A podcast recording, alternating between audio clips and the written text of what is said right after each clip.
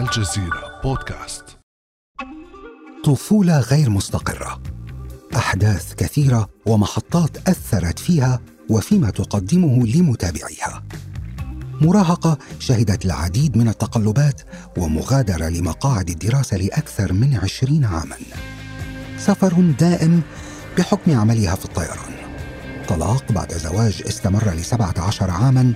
تغيير في المسار الوظيفي فزواج آخر. ألهمت الكثيرين تارة وأثارت الجدل تارة أخرى. من هي سلام قطناني بعد أكثر من أربع سنوات في التدوين الرقمي؟ أنا خالد مجذوب وهذا أثر الفراشة من الجزيرة بودكاست. نرحب بضيفتي سلام أهلا وسهلا بك. أهلا فيك أهلا. سلام مرت حياتك بالعديد من المطبات. يعني بطريقة أوضح ما عشت حياة سهلة على الإطلاق.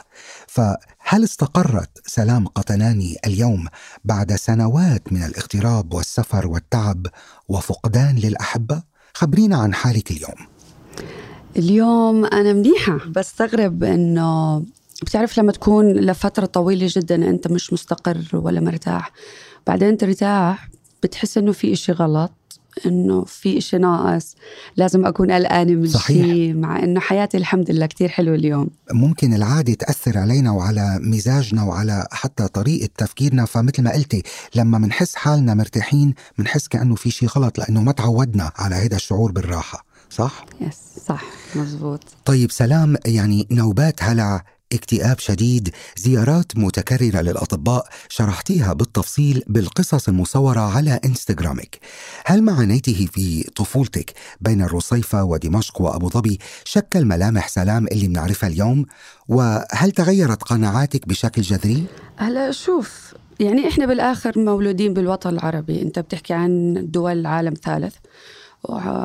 أغلبية الناس اللي عايشين مش المدن الأساسية ما عندهم كتير زي الأشياء اللي هلأ بنعتبرها إشي أساسي زمان كانت مكمل. فأنا أنا جاي من عائلة فقيرة مش كتير فقيرة لكن آه، يعني كيف بدي أحكي لك؟ كيف بدي أوصف لك الفقر اللي كنا فيه؟ ما كان كتير بس كنا مثلا نعمل الخبز اليابس نعمله حلويات. مش كل يوم في عندنا access على لحوم مثلا أو دجاج وهاي كانت حالة الناس اللي ساكنة معانا كمان بالمنطقة. فهذا ما كان إشي بس unique إلنا إحنا بالعيلة. نعم. أنت عارف كيف حياة الفلسطينية اللي هم بيكونوا لاجئين شوي متشتتة. فبين سوريا والأردن بعدين سوريا كمان مرة والأردن زي ما قلت بين الرصيفه والشام. ما كانش كتير في استقرار وأبوي كان من الناس اللي مع إنه متخرج يعني بس آه، الناس اللي بيشتغلوا أي شيء. اللي بيشتغل بالجبالة بعدين بيشتغل تاني يوم بالخضرة بعدين بيشتغل بمكان ثالث ببيع مثلا أواعي قديمة نعم. فكان شوي يحاول يلم من هون وهون عشان يدير باله علينا وأمي وأبوي كثير أشخاص رائعين يعني رغم الحالة اللي كنا نعم. فيها ابدا ما حاولوا يعني حاولوا قد ما بيقدروا إنه يوفروا لنا الاشياء الأساسية يربونا بطريقة إنه عندنا قناعة بطريقة إنه يعني أبوي لما كنا صغار اعترف لنا إنه أنا ما كان بدي بنات كان بدي أولاد وزعلت لما صار عندي ثلاث بنات. بس مع الوقت صرت أكتشف إنه عم بيعاملنا زي ما كان ممكن يعامل ولد أو بنت نفس الشيء. يعني علمنا إنه أنتم عندكم إيدين ورجلين بتديروا بالكم على بعض على حالكم بتعملوا فلوس. مش ضروري إحنا نجيب لكم الفلوس. بس المشكلة صارت هي لما كنت بالمراهقة كنت 16 سنة بالإمارات أبوي توفى وأمي كانت مريضة. وأنا أكبر وحدة بإخواتي ففجأة إحنا ثلاث بنات فقدنا جميع أنواع الشعور بالأمان صحيح. يعني أو الاستقرار صحيح. العائلي فانتقلنا بين بيوت هون وهون بين ما أمي تحسنت شوي فكان الوضع شوي صعب لأنه إحنا كمان بالمدرسة ما بيهيئونا للحياة يعني أنا كان عمري 16 سنة المفروض عندي شوية طرق عملية إني أعيش بالحياة. ما كنت أعرف كيف أروح أسحب من البنك ولا أفهم كيف إجراءات أجار البيت بتصير ولا كيف بدي أدفع للمدرسة الأقساط هاي الأشياء كلها فجأة ارتميت عليها. ولأنه ما كان في فلوس فما قدرت لا أدفع للبيت ولا للمدرسة. بس المدرسة أعطونا استثناء يعني. وخلصنا مدرسة هناك. وبعدين أنا التقلت على الأردن عشان أخذ الثانوية العامة. ففقدان الأمان والأساس الأسري تبعك بفترة المراهقة اللي لسه أنت تعتبر طفل كتير بتصير تستكتر على حالك خلال حياتك إنه أنت بتستاهل مثلا حب بتستاهل اهتمام بتستاهل حدا يدير باله عليك يرعاك يحسسك بالأمان نعم. حتى من ناحية إنك بتصير تحس حالك أنت ما بتستاهل تحس بأي مشاعر يعني مش وقت أنا هلأ أتعب أو أنهار أو دائما بتحط لحالك أعذار لما بتحس حالك نفسيتك تعبت إنه لا لا لا أنا ما بقدر أكون هيك. لازم أكون قوي دائما لازم أكون ب survival mode دائما تماما. الحياة أمرار بترمي الإنسان أمام مطبات أو بتحطه أمام تحديات فما عنده وقت مثل على في مقولة شهيرة بتقول بأنه الاكتئاب هو رفاهية للأغنياء فقط. أما الناس اللي عم تعاني أو الحياة كانت قاسية معها أو تجاربها كانت قاسية ما عندها luxury إنها تكتئب. بس بدي ارجع شوي بكلامك ملفت لإلي كم شغلة قلتيها specially عن موضوع الوالد الله يرحمه.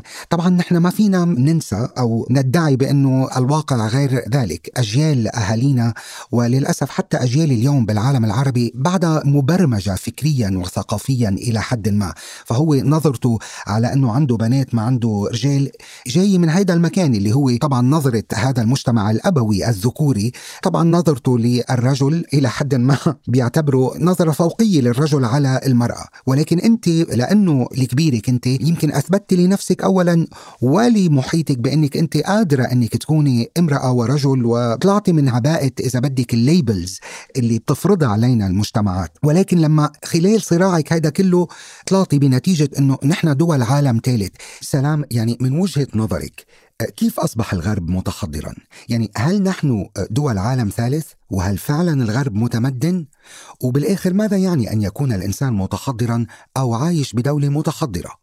لما تيجي تطلع على كيف أسلوب حياتنا اليوم الفردانية كتير صار لها دور كبير بالثقافة مش لأنه إحنا كاباء وأمهات بدنا نزرع هذا الشيء بأولادنا بس لأنه انزرع بحكم العولمة بحكم الإنترنت بحكم كثير آه، تغييرات صارت على ثقافة الشباب بدول العالم الثالث. مشكلتي الأولى مع آه، شعوبنا هي إنه نحن لا نتربى على إنه نتعلم كيف نفكر. نتربى على إنه نتعلم ماذا نفكر تجاه كثير أشياء بحياتنا. نتربى على التبعية المطلقة على تقديس الأشخاص على تقديس آه، العادات والتقاليد بطريقة بتبعدها شوي عن الانتقاد. والإشي اللي بيخليها إنه كل المساوئ اللي فيها تطلع على الشعب. يعني أنا من الناس اللي أؤمنوا بأنه في عادات أو ثقافات منيحة وفي ثقافات مش منيحة. الشخص اللي بيقول لك لا أنا بحترم كل الثقافات وهيك حكي فاضي. لأنه أنت لما تيجي على الواقع كيف الشباب والبنات عايشين حياتهم بالوطن العربي بتكتشف إنه في كتير أشياء مسلوبة منهم. أنا لا كنت عايشة بالإمارات طول عمري. بعدين إجيت على الأردن انصدمت من كمية الشباب اللي بالثلاثينات والبنات اللي لسه عايشين مع أهلهم ومسؤولية أهلهم تحت مسؤولية أهلهم. آه مع إنهم بيشتغلوا هيك بس ما أعطوهم الفرصة إنهم يكونوا أشخاص مستقلين يكون عندهم شغلهم الخاص لهم والحياة اللي بدهم إياها الخاصة فيهم. مشكلتي الأساسية إنه إحنا لا ندرب الأطفال على النقد التفكير النقدي التفكير التشكيكي العقلاني. Critical thinking. Yes. نعم نعم yes. نعم. عندنا نقص بهذا الموضوع مقارنة ببرا. هلا ما بتقدر تيجي تقول حتى عندهم عندهم مشاكل وعندهم عنصرية وهيك. هاي الأشياء آه، الناس بتتخيل إنها جاي آه، دخيلة علينا من برا. لكن هاي أشياء فينا إحنا إحنا بشر آه، ثدييات. والثدييات دائما بيكونوا ب group مع مجموعتهم وبيرفضوا ال groups الثانية أو المجموعات الثانية لدرجة أنهم يقاتلوهم ويحاربوهم. إذا بتطلع على ال chimpanzees بتلاقي أنهم كمان إذا أجى حدا من مجموعة ثانية بده يقرب على المجموعة تبعتهم بيقتلوه بيشنعوا فيه مش بس بيقتلوه بيجرب بيقطعوه تقطيع. برأيك هل الفطرة البشرية تقتضي أنه أن لا نتقبل الاختلاف أم هي ليست فطرة إنما هي شيء مكتسب أو فرض علينا من خلال المجتمعات البشرية. ليش كل ما هو مختلف محارب أو ممنوع برأيك؟ هلا الموضوع فيه شوية أشياء لها علاقة بالأحياء. يعني ما بتقدر تنسى تأثير جيناتنا. آه لما أنت بتكون عنصري مع مجموعتك تجاه المجموعات الثانية هذا الإشي بيأمن فرصة بقائك أكثر. أول إشي لأنه في تقارب جيني أكثر بينك وبينهم. يعني أنت مثلا بتتعاطف مع بسة إذا شفتها ماتت أكثر من بتتعاطف مع عنكبوت أو مع صرصور لأنه أنت ال... في تطابق جيني بينك وبين القطة أكثر بكثير من التطابق الجيني بينك وبين الصرصور فكل ما زاد التقارب الجيني بزيد النزعة هاي أنه أنا عندي قدرة على التعاطف. نفس الإشي بالحياة الاجتماعية تبعت الحيوانات. كل ما كان ال group تبعهم ملتم على بعض أكثر وبيحمي بعض بعض أكثر آه، بصير عندهم فرصة نجاة أكثر لأنه إذا أنت كذبت على ال group تبعك أو ما حطيت مصلحة المجموعة بالأول رح يرموك برا المجموعة وجود لك إنك تعيش بالبراري لحالك. ككائن اجتماعي يعتمد على المجموعة. ففي جزء من هاي الأشياء اللي هي العنصرية والهاي أشياء مبنية فينا بسبب نزعتنا الجينية إنه إحنا نحافظ على البقاء وفي جزء منه مكتسب ومتعلم من اللغة. يعني كنا في عنا نزعات نعم. شريرة بس المفروض إنه مع الوقت إحنا عم نتعلم. الإشي اللي بيميزنا عن الحيوانات التانية إنه في عنا وعي. وخلانا نفهم إنه لما أنت تيجي تحط بنت تحبسها بالبيت وتحكي لها لا ممنوع وممنوع وممنوع وممنوع. ممنوع وممنوع وكل قراراتك أنا اللي بقررها. مقابل إنه هي قاعدة على الإنترنت وعم تشوف كثير البنات ماخذين راحتهم وعندهم كثير اوبشنز عم تشوف البنات بالثقافات الثانية كيف عايشين. هيك بطل إنه أنت عندك حرية شخصية إنه خلص أنا هيك ثقافتي وأنا حر. لا أنت مش حر. الفردانية هلأ صارت جزء من البلد أو البناء تبع الشخصية تبع الجيل الجديد. البناء النفسي تبع كل إنسان طبعا. جميل كلامك. وفي بمكان ما تحليل منطقي بالنسبة لإلي لأنه كمان إذا بدنا نحكي على موضوع مستوى الوعي والإدراك عند كل شخص هو يختلف من شخص إلى آخر يختلف من بيئة إلى أخرى يختلف من بلد إلى بلد ومن وطن إلى وطن صح؟ يبقى نحن مشكلتنا اليوم بالعالم العربي هل هي مشكلة إدراك أفق محدود وعي آه، مفقود. مشكلتنا بموروث فكري وثقافي ما عم نقدر نطلع منه. م- مشكلتنا ابدا مش بالإدراك. إحنا أشخاص يعني ما تنسى إنه حسب أنت كيف بتربي هذا هذا الجيل. يعني إحنا في عندنا مشكلة أساسية بالسياسة تبعت بلادنا. سياسات ديكتاتورية جدا ودول بوليسية وما في حتى مجال للإبداع لأنه الفساد مسيطر عليها. وعندك مشكلة التعليم مثلا إنه التعليم تبعنا كتير سيء وما بيدربنا على إنه نشتغل على مشاريع إنه يخلينا إحنا نحلل الموضوع ونحكي شو رأينا فيه. لا بدك تحفظ أسماء الصخور وبدك تحفظ اللي قرروا أصحاب الدولة إنه هذا هو التاريخ. بدك تحفظه زي ما هو عشان تحطه بالامتحان. والمشكلة المشكلة الاخرى مشاكل من... المشكلة الأخرى عفوا على المقاطعة إنما ملفت بحديثك إنه الكريكولم نفسه لا يتطور مع الوقت ولا ولا يواكب العصر. بعدنا عم نتعلم بطريقة قديمة كلاسيكية تقليدية لا تساعد ولا تحفز على الإبداع مثل ما أنت قلتي.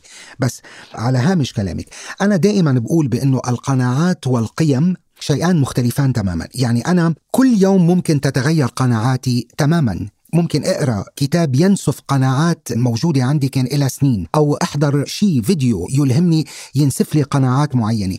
إنما قيمي الفاليوز في شوية قيم أنا محافظ عليها لأني مقتنع بأهميتها. بالنسبة لإلك أنت ما الذي يساهم في تغيير قناعات ومفاهيم سلام من يوم إلى يوم؟ كتير كتير. ممكن أقعد مع حدا ببيع صبار بالشارع وأكتشف شغلة منه كتير مهمة. ممكن أقعد مع واحد من رئاسة الوزراء وأكتشف شغلة كتير مهمة منهم.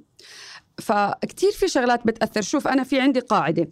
الآراء يجب أن لا تؤثر على الحقائق لكن الحقائق يجب أن تؤثر على الآراء وتغيرها نعم. إذا أجت الحقائق بحقيقة مختلفة عن اللي أنت كنت تعتقد فيه وبالعكس هاي واحدة من الإشارات اللي كتير بتعطيك insight آه، آه، على قديش هذا الشخص عنده قدرة على التطور الفكري قديش آه، شخصيته عندها قدرة على إنها تتحسن تتوسع أفاقها وتصير تفكر بطريقة مختلفة حسب ال evidence أو الدليل اللي عم بنحط قدامها في شخص نسيت مين هو حكى إنه أنا غير مستعد إني أموت في سبيل الدفاع عن أفكاري أه. لأني قد أكون خطأ فكمية ال certainty أو التأكد التأكد اللي إحنا كبشر بنكون متأكدين منه من معتقداتنا ومن ثقافتنا والأشياء اللي نؤمن بها. مزعجة صراحة.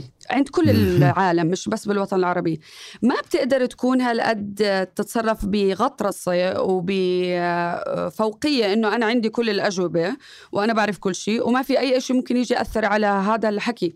بالعكس كل يوم لازم تتأثر. كل يوم لازم إشي يتغير فيك. كل كتاب تقرأه لازم شوي يغير قناعاتك بطريقة معينة. آه، حتى نعم. لما تقرأ للناس اللي ما بتحب تقرأ لهم أو للأفكار اللي ضد أفكارك أحسنتي يعني هو الإنسان على الأقل يكون عنده استعداد لتقبل يكون منفتح ذهنيا بمكان ما لتقبل أفكار مختلفة شوي وإلا كيف سيتطور هو على المستوى الشخصي إذا ضل كل الوقت حابس نفسه ضمن الأطر يلي هو اكتسبها طب هون بنرجع لشغلة أساسية وهي شغلة دائما ما تنتقدينها أو تتكلمين عنها وهي مسألة التعليم. تركتي التعليم لظروف مادية صعبة عشتيها مع أسرتك بعد وفاة والدك الله يرحمه ورجعتي أخذتي دبلوم بعد عشرين سنة تقريبا. طب اليوم كيف تنظرين لمؤسسة التعليم؟ وهل هو مجدي؟ لا لسه زي ما هو. يعني اطلع إحنا بالعالم العربي تغيرت طريقة النقل وطريقة التجارة وطريقة التواصل وطريقة الإعلام وطريقة الزواج وطريقة كل شيء له علاقة بحياتك اليومية إلا التعليم ضل زي ما هو له من 200 سنة لهلأ مثل ما هو. أنا هاي مشكلتي الأساسية مع هذا الموضوع أو مع موضوع ثقافاتنا بشكل عام إنها ثقافات جدا تبعية. بنخاف كتير إنه نعرض الأطفال لأكثر من وجهة نظر أكثر من جهة لأنه بنحس إنه إحنا عم نفقدهم مع إنه إذا أنت بدك تفقد طفلك أو بدك تفقد واحد آه، مراهق من أولادك بسبب فيديو شافه أونلاين معناته المشكلة بإيمانه هو المشكلة بمعتقداته هو أساساتها ضعيفة إذا بدها تتأثر باللي رايح واللي جاي عشان هيك الواحد ما لازم يكون ابدا متأكد من أي شيء ما بتقدر تكون متغطرس لهي الدرجة إنه أنا عندي كل الأجوبة لا أنا متأكد فإحنا نفتقر صحيح. بالوطن العربي ل إنه يكون في عنا هاي التقبل للتفكير النقدي والتقبل للانتقاد والتشكيك بشكل عام بكل شيء بحياتنا عندي الشكوك تجاه كل شيء بحياتي حتى بالتصرفات اللي أنا هلأ بحس إني أنا متأكدة من اللي بعمله وعندي كتير خلفية إني أقدر أقرر بهذا الموضوع بضل شاكه بضل خايفة بعدين. بالسنة اللي بعدها وبعد سنتين برجع لقراري بكتشف إنه آه كان في عندي شيء غلط فأنا فعلا باني حياتي على الشك بس بطريقة حلوة يعني. البعض يعتبر بأنه المحتوى اللي أنت بتقدميه استفزازي ويحرض على الشك بكل شيء خصوصا من خلال انتقادك المتواصل للأيديولوجيا بكل أشكالها. كما أنه المحتوى عندك يعني بيناقش قضايا في عمق التابوهات في ثقافتنا وتحديدا بالموسم الجديد. اليوم إذا أنا بدي أسأل سلام شو هو مفهومك الشخصي للأيديولوجيا؟ وكيف تختصرين رؤيتك لها؟ الأيديولوجيا هي منظومة فكرية زي كيف أيديولوجية الفلوس يعني أنا أجي أمسك ورقة خمس دولار عشرة دولار وأعطيها لشمبانزي شو رح يعمل؟ رح يرميها في وجهي واحتمال نعم. يهجم علي يضربني إنه بتعطيني هاي بدل أكل نعم. ما هو الشيء الذي يعطي ورقة العشرة دولار قيمتها مم. الأيديولوجي أنت تؤمن وأنا أؤمن واللي بالصين يؤمن أنه هالقد قيمة الدولار بالتالي أنا متأكدة إنه كل ما أجي أعطيك دولار رح تاخده مني وأنت مبسوط لأنه بتعرف إنه له قيمة مش بالعالم المادي. يعني إذا أنت حطوك بغرفة مسكرة مع فلوس ما رح تستفيد شيء رح تموت. بس صحيح. إلها قيمة بالمجال الخيالي اللي إحنا صنعناه أو البعد الخيالي تبع حضارتنا. في نعم. ناس بيزعلوا مني لما بحكي إنه أنا ضد الوطنية مثلا. أنا مش شخص وطني وما عندي آه، شعور بالفوقية أو بالفخر إنه أنا انولدت أردنية أو فلسطينية. أوكي نعم. موضوع القضية الفلسطينية مختلف وأكيد لازم نحكي عنها وهيك لكن بشكل عام لا يعتبر أي إنجاز إني أنا انولدت بجنسية معينة. فحكيت عن المثلية بحكي عن الأشياء الجنسية بحكي عن المخدرات لأنه في كتير في ناس هلأ كتير في أطفال أو مراهقين بيتعاطوا مخدرات وما بيعرفوا الموضوع بس يروح يحكي مع أهله بصير يحكي له لا هذا غلط وهذا ما بعرف شو. غلط بس كيف؟ بدك تقنعه بالمنطق بدك تفهمه شو الأشياء السيئة اللي عم بيعملها بمخه.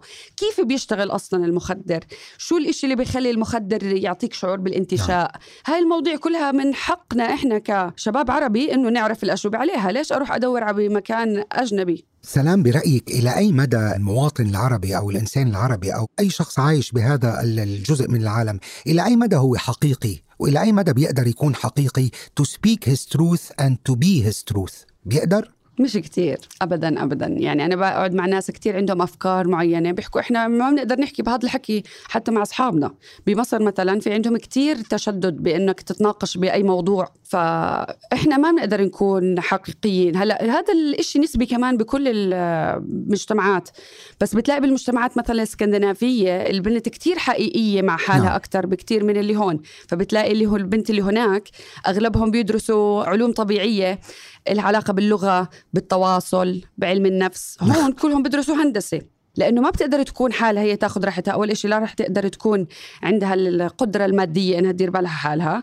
والضغط الاجتماعي والضغط الاقتصادي بيخليها تختار شغلات هي مش لو قاعدة لحالها ومبسوطة كان اختارتهم. فإحنا ما بنقدر نكون حالنا. يعني أنا شخص عندي كتير وشوم مثلا. دائما النظرة تجاهي لما أكون بالشارع إنه شو هذا الإشي الغريب. آه، نظرة ممكن آه، إنه هذا الشخص مش منيح أو أخلاقها مش منيحة أو whatever بعدين بس يتعرفوا علي بيكتشفوا إنه لا إحنا كثير طلعنا غلطانين يعني ما له دخل الموضوع. سلام بيستفيد العديد من المؤثرين من شكلهم يعني ما فينا نهرب من الموضوع آه، بعالم اليوم. تقاليع الموضة زيادة التفاعل وحصد ال likes فضلا عن الفوائد المادية من الإعلانات وغيرها. اللي بيشوف التاتو أو الوشم اللي كتير عندك ممكن يشك بطرحك بمكان ما. شو بيعني لك التاتو؟ هل هو إثارة جدل موضة أم ماذا؟ خبرينا شو قصة التاتو معك. التاتو أنا بحب التاتو من وأنا صغيرة كتير كنت أضل أطبع على جسمي وأرسم على جسمي فمش إشي أنا اخترت إنه والله جا بالي أكون نعم. آه، على الموضة مع إنه أنا style ي إذا بتشوفني ابدا مش على الموضة على, على الأقل الموضة ال standard أو ال mainstream okay. الموضة اللي بتشوفها على الإنستغرام. شكلي مختلف تماما وكثير في منهم بيقولوا لي أنت ما عندك أنوثة أصلا. لأنه أنت عندك tattoos مثلا. فقبل كنت كتير حذرة وكنت أخاف أحط tattoos لأنه ما بدي ناس تحكم علي. نعم. فيمكن الإشي اللي انتبهوا عليه إني بطلت أهتم. بدي أعمل tattoos أنا بحب ال tattoos رح أعملهم. فيمكن هذا النوع من النمرده إنه أنا بدي أعيش حياتي زي ما أنا بدي بدي يكون شكلي زي ما أنا بدي. آه وهو نوع من التعبير عن الذات بالآخر. ما في حدا بيقدر يقول أنا ما بيهمني كلام الناس. أنا بحب أعبر عن نفسي قدام الناس. نعم. بحب أعبر عن نفسي قدام نفسي. وبحب أكون مرتاحة مع حالي فيمكن الناس لأنها مش متعودة إنه الواحد يكون يعمل هيك وهو مرتاح مع حاله بس آه بالآخر قررت إنه أنا بدي أعمل تاتوز بدي أضل خايفة قعدت عشر سنين أنا خايفة أحط تاتوز عشان الناس نعم. ما تنتقدني طيب بس انت بمكان ما اثبتي عن انك انسانة شجاعة. يعني انت ناقشتي أكثر المسائل حساسية بحياتك من قصص الطفولة والمراهقة إلى خلاف لحظات الاكتئاب الدموع ببثك المباشر حتى في حلقات تحدثت فيها عن أيام الدورة الشهرية وما كان عندك أي حرج في الحديث العلني عنها. هون أنا بحب أسألك من هذا المنطلق هل يجب على المؤثر أن يكون بهذه الصراحة مع متابعيه؟ يعني هل أنت بتعتبري نفسك مؤثرة سلام وحقيقتك صراحتك الزائدة بتعتبريها واجب ومسؤولية عليك كمؤثرة يعني نعم. من هو المؤثر الحقيقي نعم. شوف أنا كثير بشوف بنات صغار لسه هلأ طالعين على عمرهم جديد يعني واولاد أو شباب يعني وبنتبه قديش هم نفسيتهم متدمرة من كتر الكمالية الزائدة المثالية الزائدة اللي بتشوفها على الإنترنت نعم. آه، فأنا بحس إنه من الواجب عليك أنت كمؤثر إنك تكون حقيقي. ما تورجيني بس أنت دائما مبسوط وفرحان وكل شيء تمام. طب بحس إنه أنا المشكلة فيي معناته مع أنا الوحيد المكتئب وأنتم كلكم مبسوطين. يعني معناته في غلط شيء نعم. لما بشوف إنه دائما أنت بتحكي عن نعم. إنجازاتك ونجاحك وما بتحكي عن فشلك معناته المشكلة فيي كمان. فما تنسى قديش الإعلام كثير عم بيأثر أو الإعلام ال social media عم بيأثر كثير على نفسية البنات والشباب. وابدا آه شو مصلحتي إني أورجي الجانب المشرق بس؟ شو راح أستفيد اذا ورجيت الجانب المشرق؟ ما كنتش أعتبر حالي مؤثرة لكن من كثر ال messages اللي بتوصلني وأتوقع إنه هلأ خلص تعديت هاي المرحلة. يعني غصبا عني نعم. يعني صرت مؤثرة عرفت؟ هناك الكثيرون ممن يقدمون محتوى بين قوسين يبسطون فيه العلوم المجردة. طيب آه، بالنسبة لك أنت ماذا أضاف محتواك للمحتوى العلمي العربي يعني الساينس بوب كما تصفيه أنت؟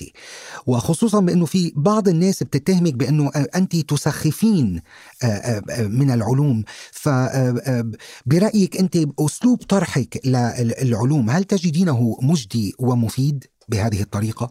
ليش بيعتبروه تسخيف للعلوم؟ كمان مرة تانية رجعنا للأيديولوجي. صار العلوم ممنوع الواحد يحكي فيه إلا بطريقة معينة وأسلوب نعم. معين. فهي كمان ايديولوجي يعني هي كمان تعصب تجاه إنه لا إحنا العلوم لازم نحكي بطريقة معينة.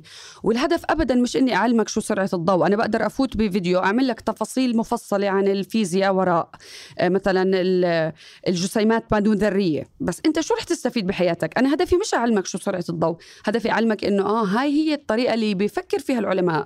وهي هي القصة وراء اكتشاف هذا الإشي وراء نظرية هذا الإشي اللي بتخليني أقعد أطرح هذا الإشي على حياتي وأسقطه على حياتي الشخصية أصير أقدر أفكر بهاي الطريقة المنطقية العقلانية النقدية.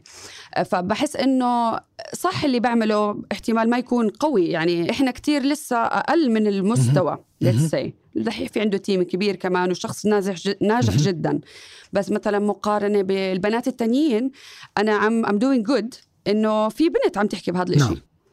وفيش غيري أنا وإيمان الإمام. بنحكي بهذا الموضوع مثلا اللي هي تبعت الاسبيتاليه كمان نعم. المصريه قصدك بتحكوا بتطرحوا مواضيع علمية أو مواضيع نعم. yes فبحس إنه الكل لازم يكون في عنده حق إنه يحكي بالطريقة اللي بده إياها طالما إحنا ما بنحكي معلومات غلط.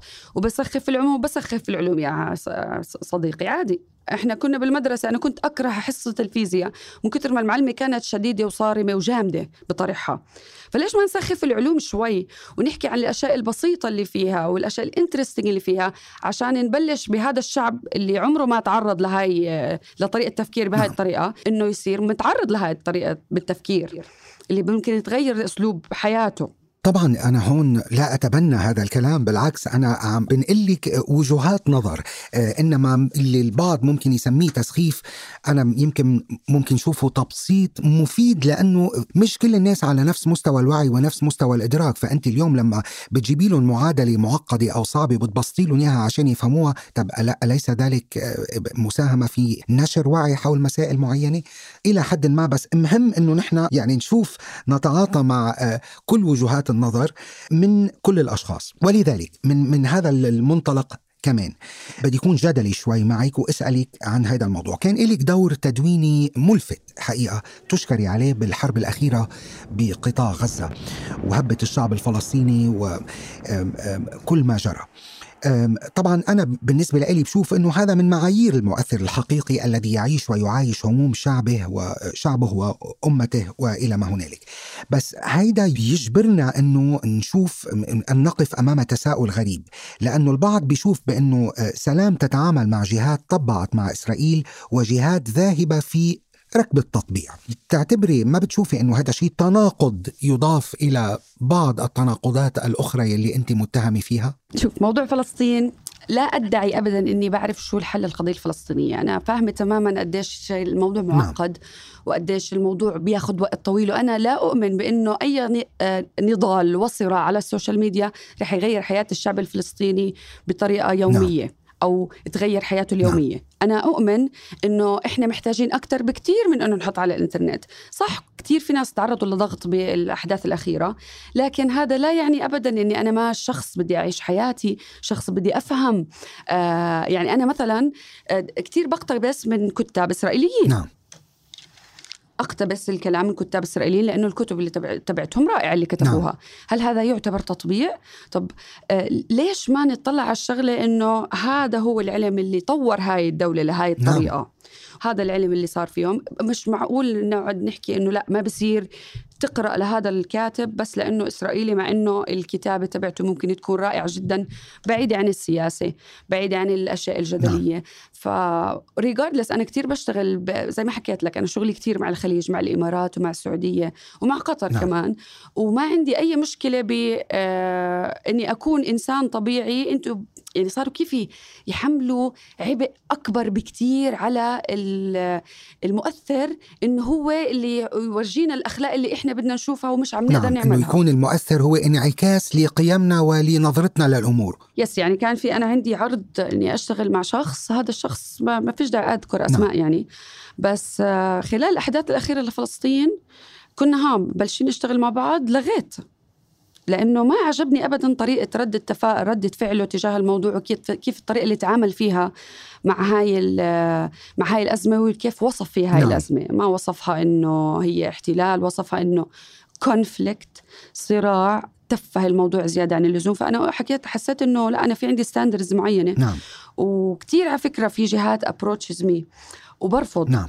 لأنه بعتبر إنه ال- الطريقة اللي أنا بحس حالي مرتاحة فيها بحياتي إني أقدر أعمل هذا الإشي بدون ما أحس ب- بوصلتي الأخلاقية تزهزت تهزهزت. نعم. ما في مشكلة. أما لما بحس إنه هذا الشخص عن جد أنا مش عاجبني الطريقة اللي عم بتعامل فيها مع الأمور مش عاجبتني آرائه مش عاجبتني الطريقة اللي آه عنده وصول لكثير ناس بالعالم وعم بيحكي بهذه الطريقة ولغيت الشغل معاه بدون ما أحس بأي مع إنه كان العرض منيح بس أنا بالآخر بهمني إني أكون مرتاحة اخلاقيا مع ال- مع الإشي اللي بدي أعمله فما فيش داعي كثير نحط ضغط كبير على المؤثرين عرفت خليني ناقشك شوي بهاي النقطة بدنا نفند المسائل كمان هل أنت تتوقعي بأنه كل شخص بدك تتعاملي معه لازم يكون مواقفه أو أفكاره امتداد لأفكارك ومواقفك؟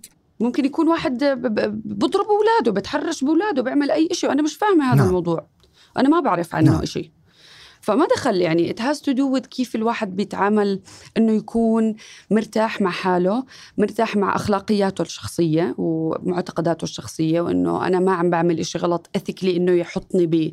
بأزمة وجودية أو ازمه أ- أخلاقية إنه أنا عملت صح ولا عملت غلط طالما الشخص مرتاح ما في مشكلة وبالآخر أنا شخص أبدا يعني مش شخص سياسي وبعيدة جدا عن نعم. السياسة وممكن القضية الوحيدة اللي بحكي فيها هي القضية الفلسطينية الإشي السياسي يعني بحكم إنها قضية شوي تختلف عن أي قضية تانية يعني هل هي قضية لها علاقة بانتمائك؟ القضية الفلسطينية تعنيك لأنه جنسيتك فلسطينية ولا هي تعنيك لأنها قضية إنسانية بغض النظر عن شو جنسية الإنسان؟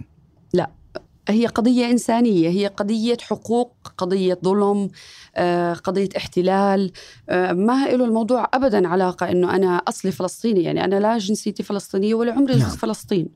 وما بعرف إذا عمري رح أزورها نعم. أو لا. وصدقا صدقا الشعور الوطنية عندي كتير آه، كتير نسبي يعني كتير بطلع عليه من برا دايما. ما بكون منغمسة فيه. فدعمي للقضية الفلسطينية لأنه هي قضية إنسانية كتير بأني أنا قلت لك الأيديولوجية الإنسانية أيديولوجية بس أيديولوجية منيحة. فبحب أدعمها.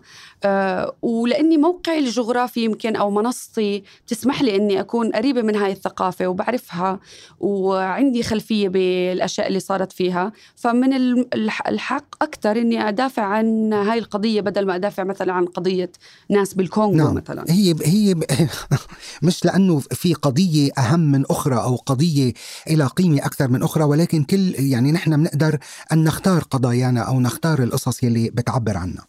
طيب اليوم سلام إذا كان بإمكانك أن تغيري شيء واحد فقط في العالم ماذا تغيرين؟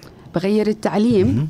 بغير السلطة المطلقة للآباء على أولادهم. نعم لأنه أنت قلتي الوالد الله يرحمه عاملكم بطريقة مختلفة أنت وأخواتك وكان إلى حد ما مش دكتاتوري إنما كان منفتح أو موضوعي. ليش عندك مشكلة مع السلطة السلطة الأبوية؟ وهل في بحياتك نماذج لرجال مارسوا عليك هاي السلطة الأبوية وحتى لو ما كانوا هن يعني والدك؟ لا أبدا بالعكس.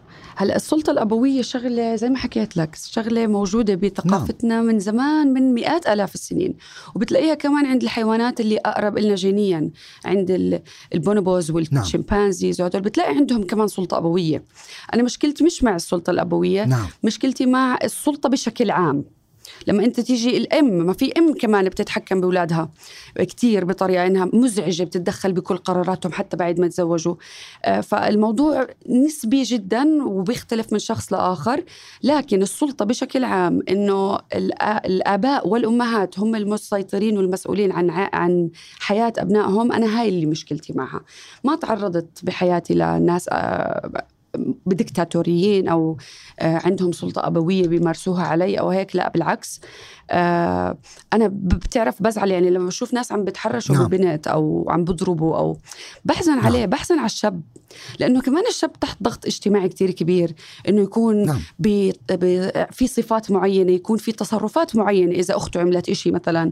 فكتير منهم بيتصرفوا هاي التصرفات من دافع الضغط الاجتماعي اللي متولد عليهم. مش يعني إنه ما نعاقب اللي بيرتكب الغلط بس لازم كمان نشوف السبب الأساسي ونغيره مش بس نعاقب على الأغلاط. أكيد أكيد. هذا اللي بنسميه نحن بعلم النفس assertive discipline. Assertive discipline بمعنى أنه أنا ألفت لك أو عاقبك بما كان ما على غلطك بس بلفت لك نظرك ليش هذا الغلط؟ وكيف فيك تتجنبيه؟ وكيف فينا نعالجه؟ بنهاية هالحوار الشيق بدي أسألك إذا بتحبي تقولي شيء لمتابعيك ولجمهورك اللي بيتابعك. إذا بتحبي تقدمي لهم أنا ما بحب موضوع النصائح بشكل عام لأنه آه، يعني أنا بحس النصيحة لازم تعطى آه، لمن يسأل عنها. ما بحب الإنسان اللي بيعطي نصائح هيك بالمطلق. بس إذا أنت بتحبي تتركي لهم خلاصة من تجربتك الشخصية لجمهورك ومتابعيك شو بتحبي تقولي لهم؟ بحس إنه واحدة من الشغلات المهمة جدا تعرفها إنه أنت أقوى من ما بتفكر بكتير بكتير. عمرك ما تسمح لحدا يفكر عنك. أنت فكر أنت خذ قراراتك. أنت اغلط. أنت خبص. أنت انجح. دائما تذكر أو دائما تخيل لما يكون عمرك 70 سنة وأنت على فراش الموت وعم تطلع باك على حياتك وتشوف شو عملت. ما تخليها رحلة مملة ما تخليها رحلة مليئة بالتبعية ومليئة بأنه أنا خايف من البشر أنه شو بدهم يعملوا فيي خايف من كلام الناس خايف أني أعيش حياتي بالطريقة اللي بتريحني. بالعكس خليك لما تكون عمرك 70 سنة أنك ما تندم على إشي ما عملته ولا تندم على أسلوب ما اتبعته بحياتك ولا على أشياء ما سويتها بحياتك بس عشان الناس. لأنه بالآخر الوحيد الشخص اللي رح يلام ويندم على أنه ضيع حياته هيك هو أنت. جميل جدا أحسنتي. أنا بوافقك الرأي تماما لأنه أنا من الناس اللي بيآمنوا بفكرة بأنه نحن بنخلق من دون أي إحساس أو شعور بالخوف ولكن يزرع فينا الخوف. سلام قطناني صارحتي جمهورك أثرتي الجدل. لا يخفى على أحد أنك خرجت من رحم المعاناة وصنعت انجازا ليس سهلا. تخليت عن أشياء وأبقيت على أشياء في سبيل حلمك. اللي بعدك عم تشتغلي عليه كنت في أغلب الأوقات مباشرة وصريحة وعفوية. سعيدون جدا بهذه الاستضافة وهذه الحكاية. وفي نهاية هذه الحلقة آه، راح أترككم مع اقتباس للفيلسوف الروماني سنكا ويلي هو يعني على فكرة من الاقتباسات أو الأقوال المفضلة لدى سلام نفسها والذي يقول بما معناه يعاني أكثر من الضرورة من يعاني قبل أن يكون هناك ضرورة. شكرا كثير كثير كثير استمتعت بالحديث معك وأنت شخص كثير مثقف وكثير بتع... you know what you're doing. تسلمي تسلمي. الله يخليكي ويعطيكي ألف عافية وإلى مزيد من التوفيق.